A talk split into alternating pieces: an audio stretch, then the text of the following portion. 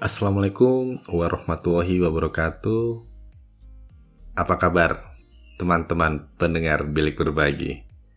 Semoga tetap sehat selalu ya. Kali ini saya akan membawakan sebuah topik tentang maaf. Maaf adalah mekanisme di mana kita memahami bahwa kita salah.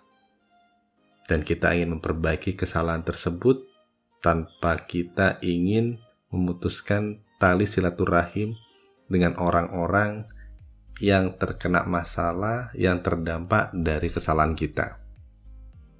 Namun, ada beberapa situasi di mana sepertinya kita perlu berpikir bahwa kata maaf lebih baik untuk saat itu kita keep dulu.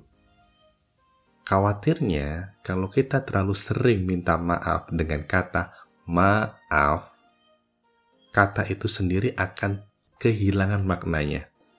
Kita akan dianggap sebagai sosok yang hanya bisa minta maaf, padahal kita tulus minta maafnya. Padahal kita melakukan kesalahan yang baru, bukan kesalahan yang sama, dan di sana tidak ada unsur kesengajaan. Kita khawatir permintaan maaf kita dianggap hanya sebagai pemanis bibir Padahal kita tulus ingin meminta maaf. Alih-alih kita menggunakan kata maaf lagi, bagaimana bila teman-teman mencoba untuk menggunakan kalimat yang berbeda tanpa perlu kehilangan makna maaf. Tapi tentu saja tidak semua situasi kita bisa menggunakan kalimat-kalimat berikut. Oke, sekarang saya akan ajak teman-teman untuk menyimak kalimat apa saja yang bisa kita gunakan untuk pengganti kata maaf. Yang pertama, kita bisa menggunakan kalimat "Oke, okay, aku akan bertanggung jawab atas masalah itu. Aku akan bertanggung jawab atas hal itu." ini akan memperlihatkan sosok teman-teman yang tidak ingin lari dari tanggung jawab. Teman-teman tidak ingin buat alasan bahwa teman-teman tidak melakukan itu. No, dengan kalimat "oke, okay, aku akan bertanggung jawab pada hal itu", teman-teman akan terlihat bahwa teman-teman siap menanggung resiko atas perbuatan yang telah teman-teman lakukan. Ini akan punya kekuatan buat yang mendengarkannya bahwa teman-teman siap untuk menanggung segalanya bahwa teman-teman tidak akan lepas tangan atau cuci tangan. Tahu kan ya, cuci tangan dalam permasalahan ini? Itu yang pertama. Yang kedua, kadangkala ada seseorang yang memberitahukan tentang kesalahan kita. Ketimbang kita bilang maaf, ada baiknya teman-teman menggunakan kalimat terima kasih untuk memberitahukan padaku tentang hal itu. Kita ucapin terima kasih, kan dia ngasih tahu kesalahan kita. Jadi tanpa perlu kita ngomong maaf, kita bisa malah berterima kasih atas penjelasan tentang kesalahan kita. Ini bentuk penghargaan kita pada seseorang yang berani memberitahukan bahwa kita salah di bagian ini. Jadi teman-teman bisa gunakan kalimat terima kasih untuk memberitahuku tentang hal itu.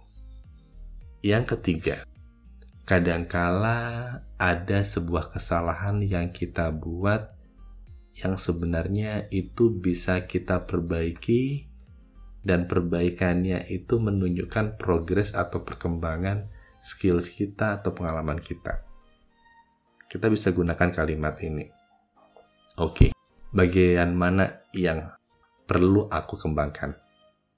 Oke, okay. bagian mana yang perlu aku improve? Jadi kita minta pendapat dari orang tersebut tentang letak kesalahan kita yang bisa kita perbaiki untuk menjadi lebih baik, untuk meningkat ke lebih baik. Jadi kita bisa gunakan kalimat, oke, okay, gimana nih cara aku improve diriku? Itu yang ketiga. Yang keempat, kalau ini straight to the point. Jadi saat teman-teman diberitahukan kesalahannya, teman-teman bisa langsung ngomong, oke, okay, that's my bad. Itu salahku. Orang yang udah ngaku salah, teman-teman akan terlihat bahwa teman-teman sudah tahu kalau itu salah teman-teman tanpa perlu teman-teman menunjuk orang lain untuk kesalahan itu. Jadi langsung aja straight to the point. That's my bad. Itu salahku. Enak kan? Selesai. Orang yang ngasih tahu sudah langsung paham bahwa teman-teman paham bahwa teman-teman bersalah. Dan teman-teman langsung bilang akulah yang bersalah. Nggak perlu nunjuk orang lain nggak perlu cari kambing hitam. Yang kelima, kalau ada orang yang memberitahukan kesalahan kita dan kesalahan itu perlu kita perbaiki segera, teman-teman bisa minta dalam tanda kutip pendapat dia. Pendapat apa? Pendapat bagaimana solusi untuk menyelesaikan permasalahan kita. Terkadang orang lain suka dimintai solusi atau pendapat untuk memperbaiki kesalahan kita. Jadi, kalimat yang bisa digunakan adalah, oke, okay, gimana nih aku bisa menyelesaikan permasalahan ini? Atau, oke, okay, gimana caraku untuk menyelesaikan permasalahanku? Jadi kita minta ide, minta saran, minta solusi dari orang yang memberitahukan tentang kesalahan kita. Jadi teman-teman, kata maaf bisa digantikan oleh kalimat-kalimat yang baru saja saya informasikan ke teman-teman. Cuma tetap nggak ada yang lebih powerful dari kata maaf. Maaf itu salah satu dari beberapa kata kunci kalau teman-teman tidak ingin terputus silaturahimnya. Maaf itu setara dengan permisi, tolong, dan terima kasih.